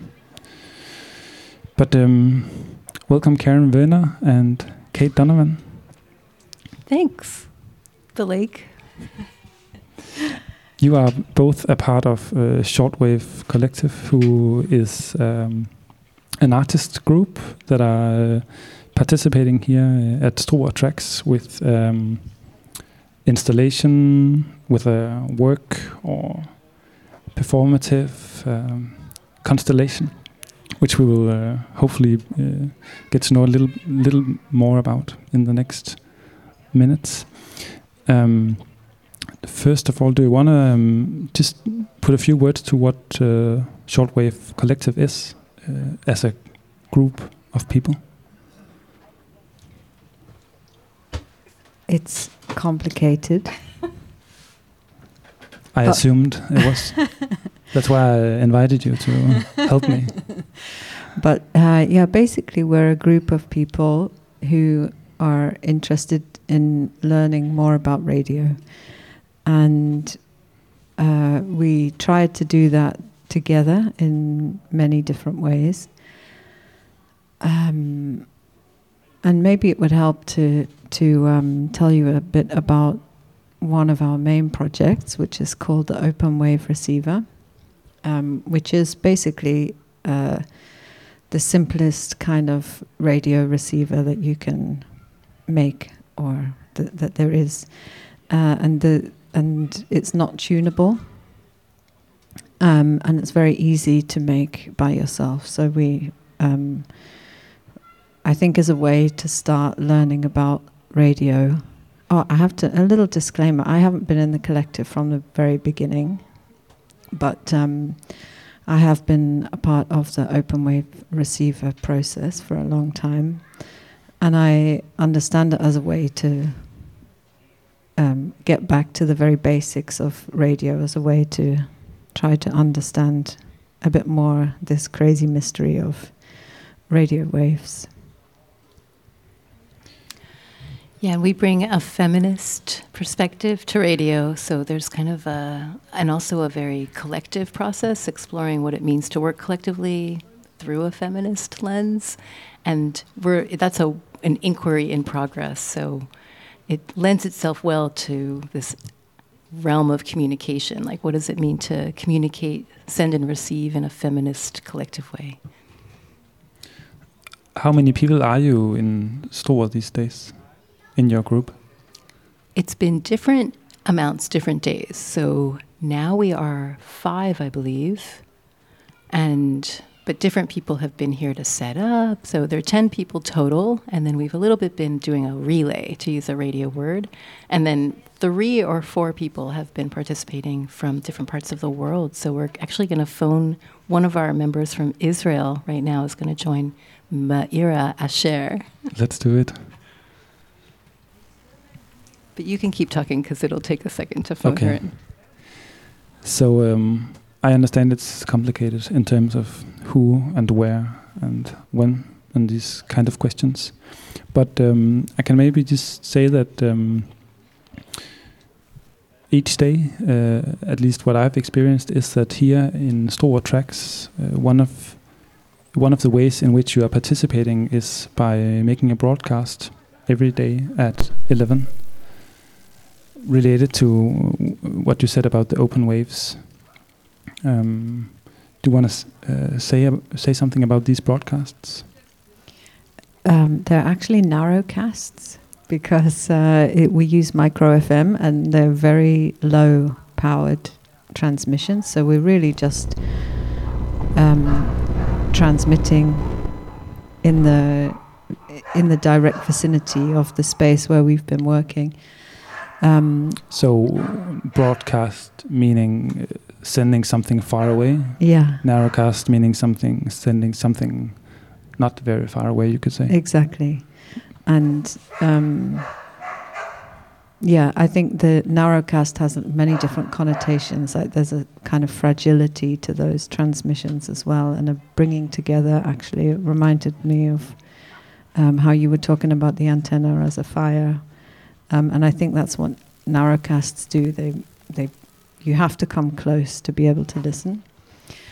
But um, that's just one part of what we've been doing. Is the transmissions in the morning, these kind of collective and collective in terms of not just our collective, but um, collective process um, of discussions. But we've we've set up a what we're calling a living radio lab. So we've been um, experimenting a little bit this week with different things and inviting people to come and also build things and then doing listening experiments. So we're kind of thinking of three different modes. So the mornings have been for these transmissions, the afternoons for building, and then the later afternoons more for um, taking things out and listening. Right. Are you okay if we just see if Maira can, if we can hear her, and if she can hear us? Maira, are you can can you hear us, Maira? Yes, I can hear you. That's so exciting! We can hear you. Great to hear your voice. I, wo- I wonder, can you hear us through the mixer? Does it sound like I'm speaking into a microphone or into the phone? Uh, I, I didn't get you. then it's in the room, I think, yeah. It shouldn't be. Oh. Can you hear me? Did you just hear? Me? I can hear you. Okay. Clearly or not so clearly? Um, not so clearly. Okay. Let's try. So now we have three members of the collective in the radio, two in the caravan here in Struer, and one from Israel. Yeah, it's true. Um, Kate, what I was fishing a little bit uh, for you- just before was um, that every day you're doing a broadcast with um, the theme uh, related to the radio. Yeah. Yeah, that's right. So, um, and actually, um, Maira wasn't there today, but she has been there for the past two days. So this may, maybe would be a nice chance to um, explain how it was this morning, um, because uh, uh, we had visitors, Maira from the lake. We had a very different group of people today. Um, More more non-collective members than collective members, and, Uh-huh. and uh, our theme was antenna. So Yeah. um, um, maybe sorry, just to go back to your the question that you're fishing at. Each day we in these transmissions we take one part of the open wave receiver to kind of unravel together. And so far we have had circuit and then ground and today antenna. And uh, Yeah. I was a part of the conversation also. And um, for people who wasn't a part of the conversation, it was talking about the antenna in a very broad sense, you could say, and maybe not uh, so much um, facts about antennas, but maybe more associations about antennas. And we thought it might be really fun to continue that conversation to transmit the way that we are unthinking radio together. May, maybe I could ask um, you, Mayra. Yeah. Uh, what What are your associations of the antenna? The, the very first association that comes to my mind is awareness. It's also more of the zoological uh, world. The animals with antennas. Spot on. The fact that you cannot live without antennas. So yeah, that's what comes to my mind. The awareness, the fact that you have to be. It's part of your body, of your. Uh, it's it's an organ in your body. Where do you think in the multiple microphones? Where do you think the um, the human antennas are? Just to start with that species. You mean to localize it? Yeah, if you were to say which organs in the human were the antennas. Mm, brain, brain, Interesting. brain, head. Were you- Yeah. Can I maybe add that there was there wasn't there somebody in the conversation earlier that said hair? Oh, the hair. Yeah, somebody said hair and somebody else said guts. Yeah, but Mm, I, I think for me, the conversation that we had actually made me think about all the antennas that I have on my body that I don't know of, and that is part of the way that I like um, catch signals, which my awareness are not capable of tuning in on. Yeah, if that makes sense. Totally. And did you? And did any come to mind? Yeah, but that was kind of what I was just reflecting on. uh, kind of like I wonder which kind of antennas I have that I don't kind of know of, if So that makes sense. Yeah. The third eye. The third Interesting. eye, Yeah, Dreams, right? Like you said. yeah, dreams for sure. Mm. Uh, like eyes would also be antennas, like all kind of sensory organs. Um, you could say that the eyes are a very early kind of radio receiver because it's we're actually receiving electromagnetic waves through the Mhm. eyes. Oh. Can you elaborate on that? well, all light is is electromagnetic waves. Mm. So the eyes are a sensor for those waves. So they're radio receivers. But then it's a radio receiver that only picks up a certain amount of the signals being around us. But that's um, Mm. any radio does any, that. as we said, like any ante- antenna is already tuned to a spectrum of frequencies.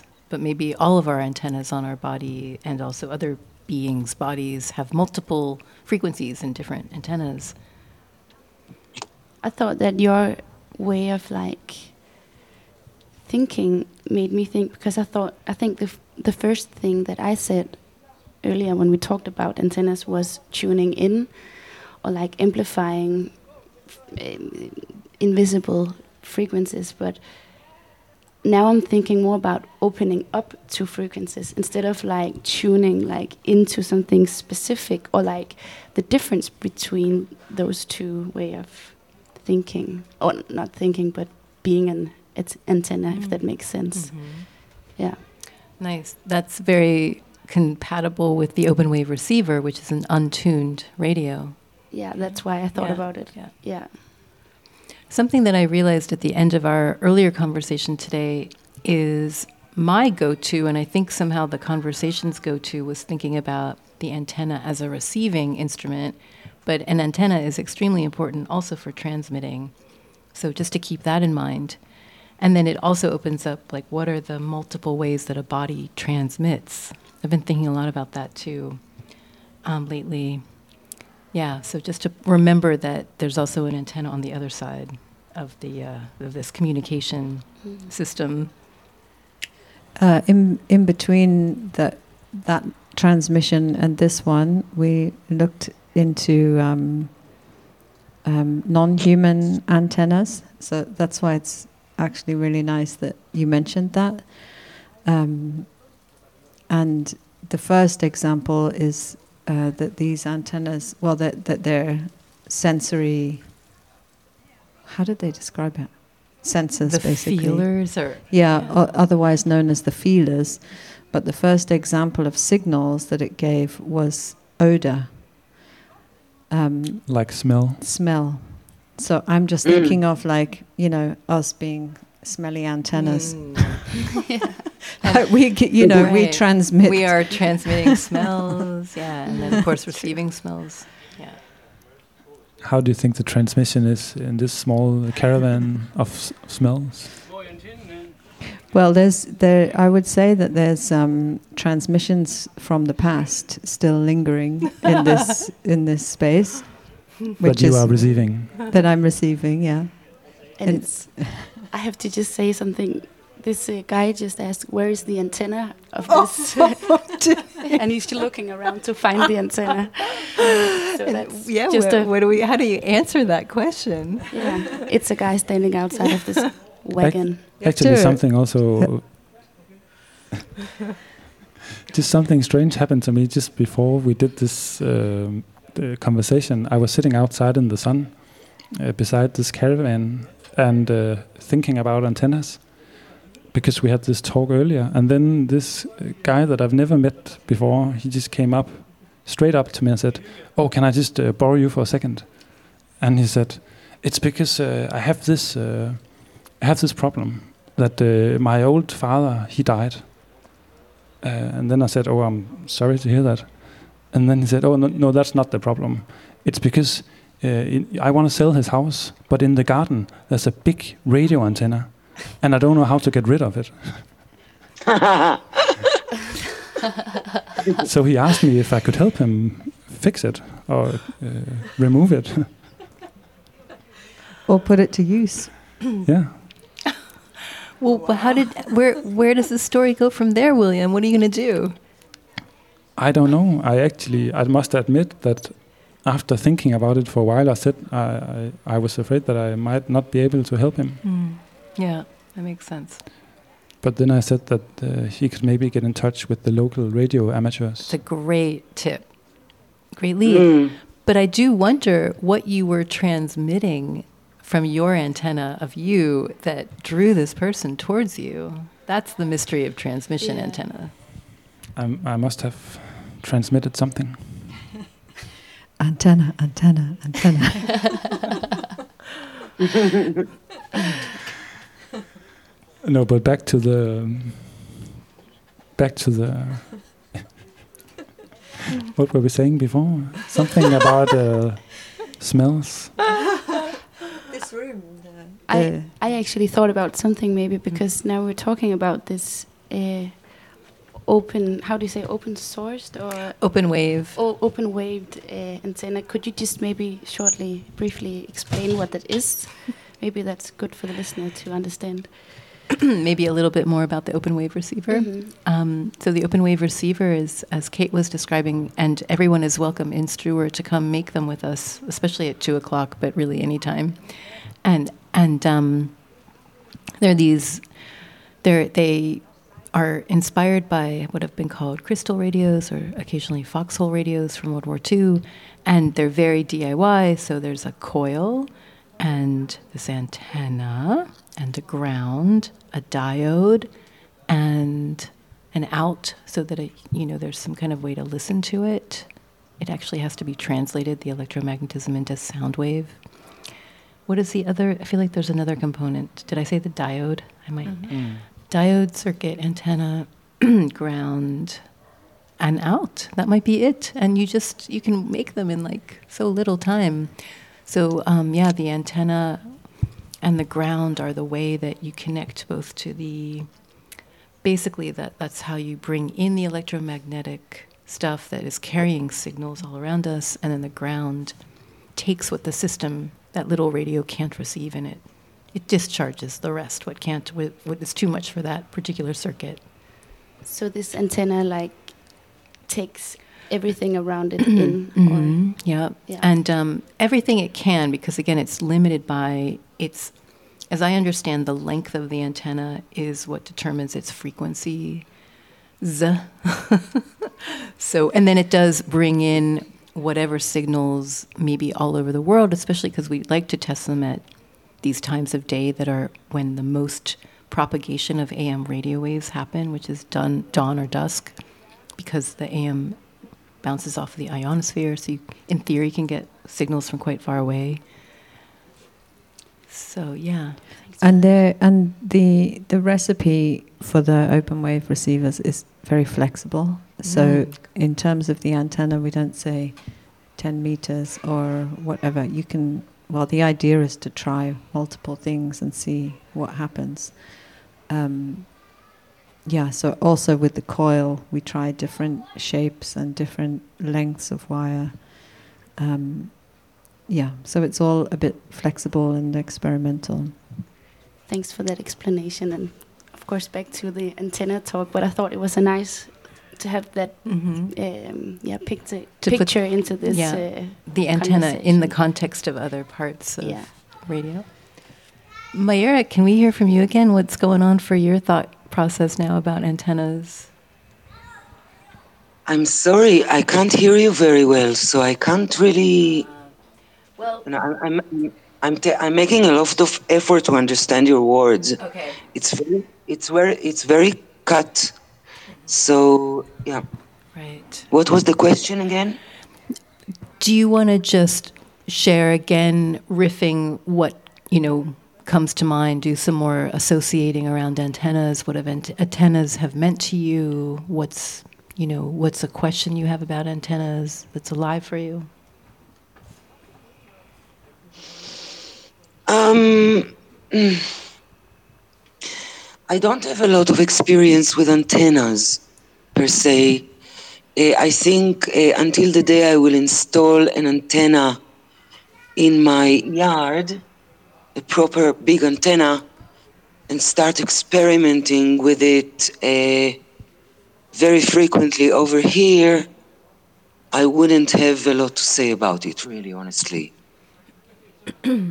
Um, the first time, I- yeah, I, I want to say that, uh, yeah, may, maybe, maybe the first uh, proper exciting time that I uh, experienced uh, an antenna just next to my face was in uh, camp when we were doing the workshop at the Pyrenees. Um, yeah, that was a, a very nice physical experience. But no, I don't have any Oh man. anything special to say about it. I slept very close to this 100 watt antenna because someone was Yeah. snoring right next to me in this other room where I was supposed to sleep. and I woke up and I felt like I had been electromagnetized. like I still feel like a little sensitive, but it was so it was way too strong. That huge antenna. I'm really it just made me love weak antennas even more. It was huge, yeah. It And what, what so can you can you say a little bit what you were feeling? Oh, I was like, I was so sleep deprived there that I made the decision to sleep next to a 100 watt antenna because I was like desperate for sleep. And, um, and I just felt like um, it was, it's a particular kind of vibration that it feels so unhealthy. Like it's just, um, it's not just a, like you've just been vibrated or something. It's like you've, you've been vibrated, but like in a uh, radial way, like a circular way. It just it felt all wrong, and I just I just for the next I don't know 24 hours, I felt like I was transmitting signals. Did it feel um, anything like that sensation in a lightning storm? You know that sort of. Do you know that? I did, but like so long, like I felt like I'd been plugged into one of those for like five hours. Wow. It was really bad. but I did sleep. It is really interesting, though, like talking about the body as antennas. Like, it's so different how people react to various signals, especially in terms of these, like, electric man- magnetic. Like, a lot of people would say that they don't react on them, and a lot of other people would say, like, they can clearly feel them. I can feel the 0.25 watt one. I actually got up yesterday to move it because I can feel it.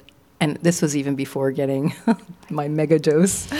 But, um, but then in the process of moving it, like unplug the whole thing. So like yesterday's transmission ended because I was feeling it, and then we rebooted it. But still, um, but yeah, I have another topic to circulate, if that's okay, which was something that came up in the conversation this morning was about kind of like if you were to make another kind of antenna, you know, um, just to start thinking about what are other antennas, either to receive radio signals or other kinds of signals. What are the, like, just to rethink designing or to unthink designing antennas together. I was wondering about um, whether antennas can be less pokey. Less pokey. Less, less pokey. Yeah. Like I think it's somehow uh, you know you see the, uh, the, there was a picture of an antenna flying around our group and everyone ooh that's a nice antenna and it looked like um, uh, an, uh, it, like the, the skeleton of an umbrella and I just thought that must be really bad feng shui like the you know is there a way to make an antenna that is functional that is less aggressive Great. Mm. A feng shui antenna. yeah Mm-hmm. Mhm. We've been looking at these nets that people do um, fishing with all around the water, and they seem like they're maybe they could be one way to address that problem. They make they're very beautiful nets. Have you seen them? They're almost like hanging baskets. Mm. What about a hammock? You know, a hammock to get your mega dose yeah, right. Perhaps. yeah, if you want to take a nap in it, yes. Or something you could swallow to get it from the inside, like really, really getting it. I was thinking about this drawing that was on the window that a kid had made about an. Oh, it, there was a kid that pic, made a picture of an antenna, right? But I it think was it was kind Kate's of. daughter. Oh, Well, there were two. Uh, it- were you talking about the one with the eye? yeah. Yeah. And uh, that because it was. Can you maybe explain how it looked? Kind of. Uh, it looked a little bit like um, the stem of a plant. I, it, it, the whole thing was maybe the size of a tall um, sunflower.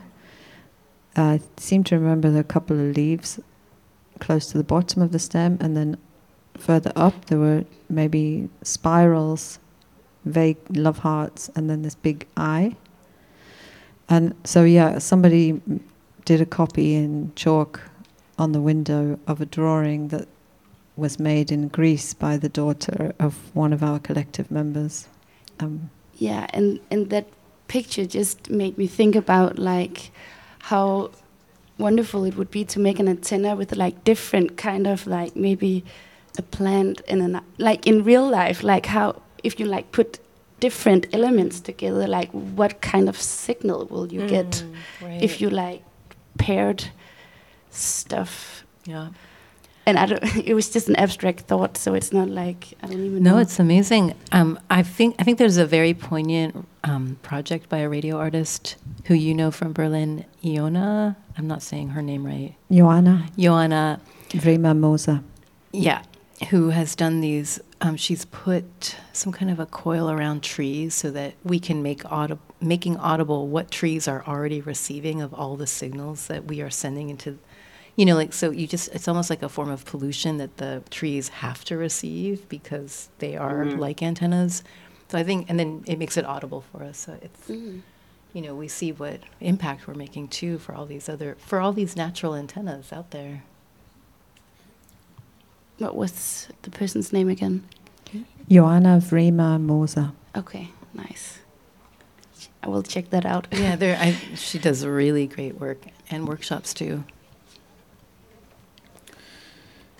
Um, talking about workshops, if uh, somebody is listening here and is curious about maybe uh, building an antenna or a radio, they can come to Shortwave Collective's laboratory, living living lab.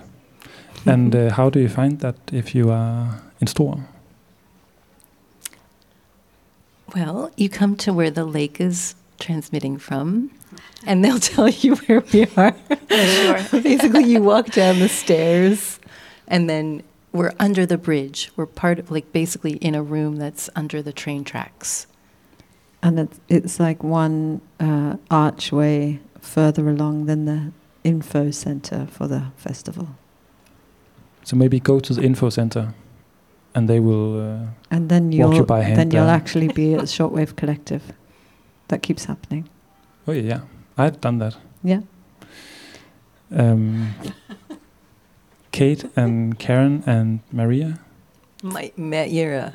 Maia, Meira. Meira. Okay, I'm sorry. Thank you so much for um, visiting here in uh, our caravan, talking about antennas. I'm afraid I have to say that we don't have an antenna here, like a physical antenna, because we are sending on speakers and on the internet. Mm. But um, Uh, internet uses antennas. there you go. And aren't we using all of our different antennas too? That's true. including our eyes. Do you want to say something um, I before did. we? I, I did want to say one thing for those people who are around in Strua that um, this evening we're going out to listen to open wave receivers and some of the other things that we've been building and working on this week. And the meeting place is our lab, which is under the archway, very close to the uh, info center, at 7:45 in the evening. 7:45 in the evening. Yeah. I'll be there. Awesome. Thank you very much. Thanks for having us. Thank you so much. Bye. Thank you. Bye, Maira. Till later.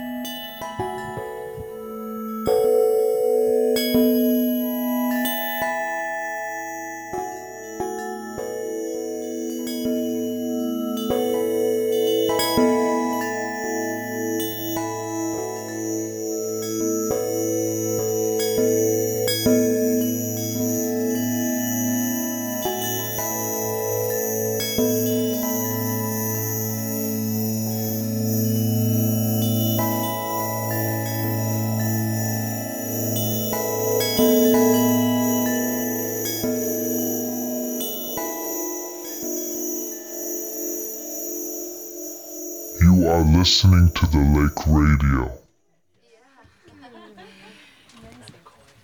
Og øhm, mens øh, Shortwave Collective, Karen Werner og Kate Donovan er på vej ud af vores lille campingvogn her, øhm, kommer Louise tilbage på stolen, fordi at øhm, vi må have lavet det her lille øh, intermistiske setup, hvor at Louise stod ude foran campingvognen, og Kate og Karen sad inde i campingvognen sammen med mig, fordi at vi kun har øh, tre stole indenfor. Det vil sige fire, fordi at øh, Rasmus øh, skal også have en, som er tekniker.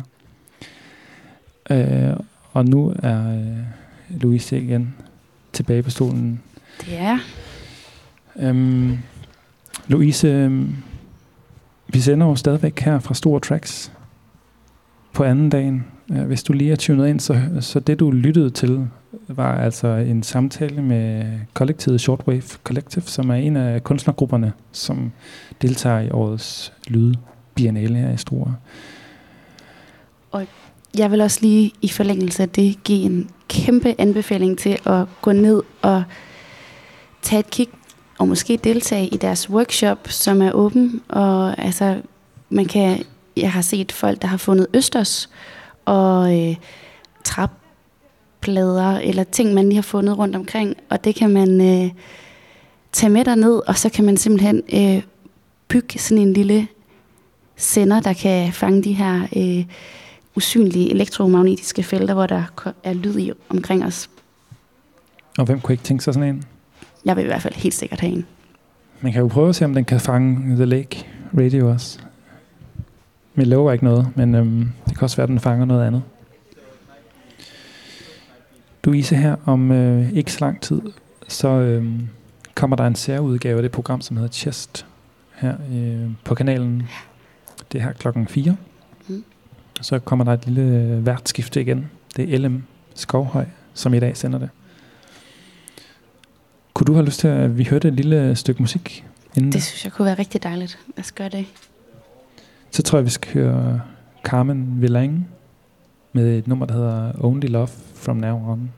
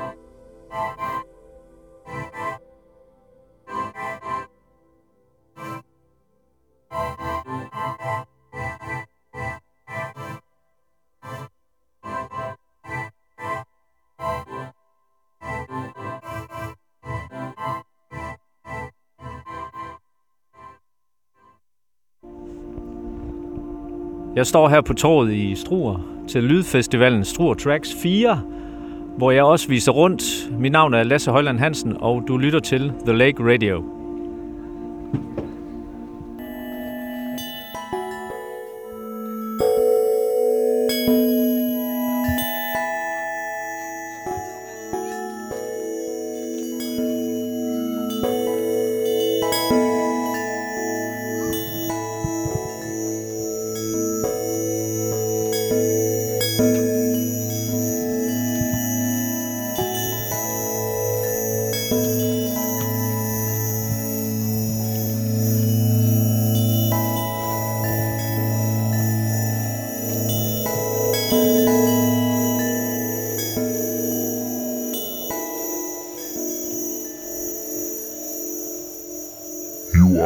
Listening to the Lake Radio.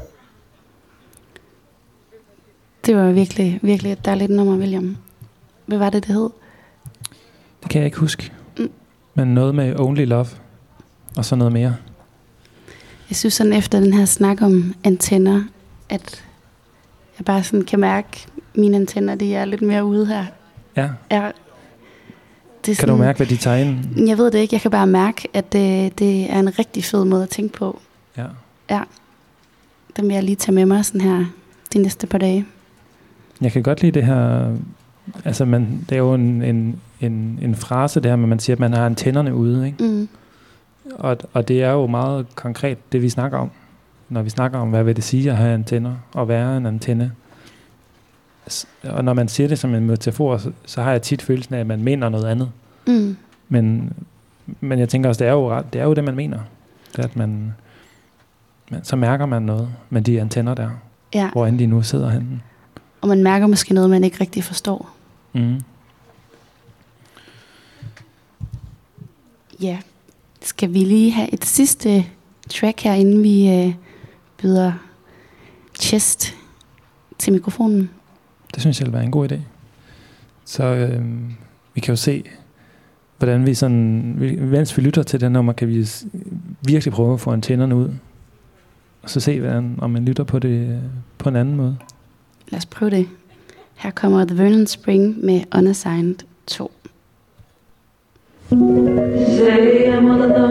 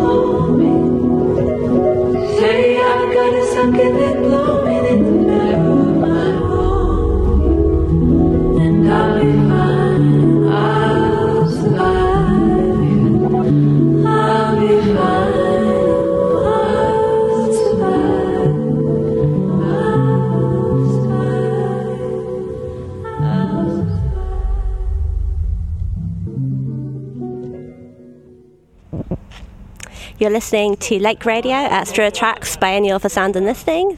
My name's Hannah, I'm from Shortwave Collective. Come find us in the Living Radio Lab.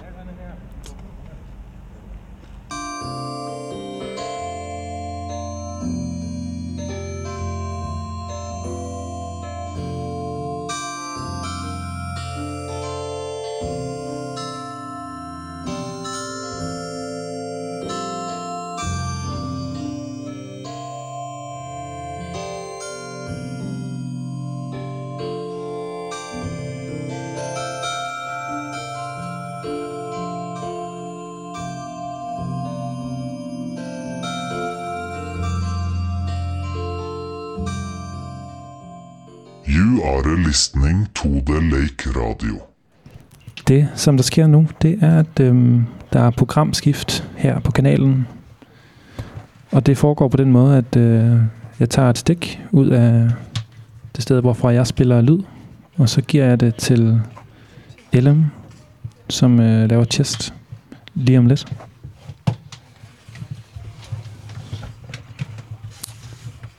Her kommer kablet, LM.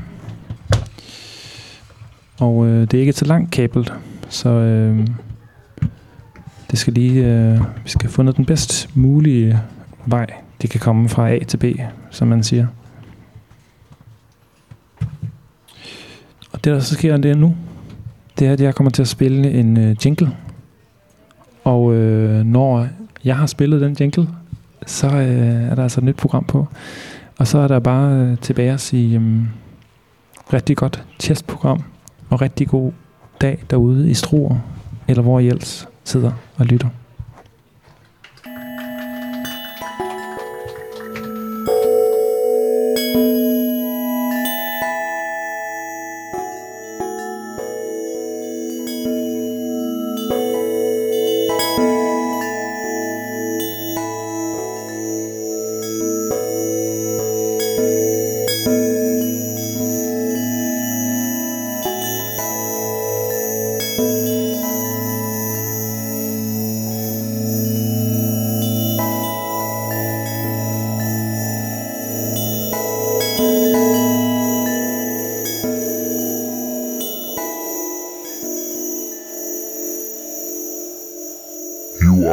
Listening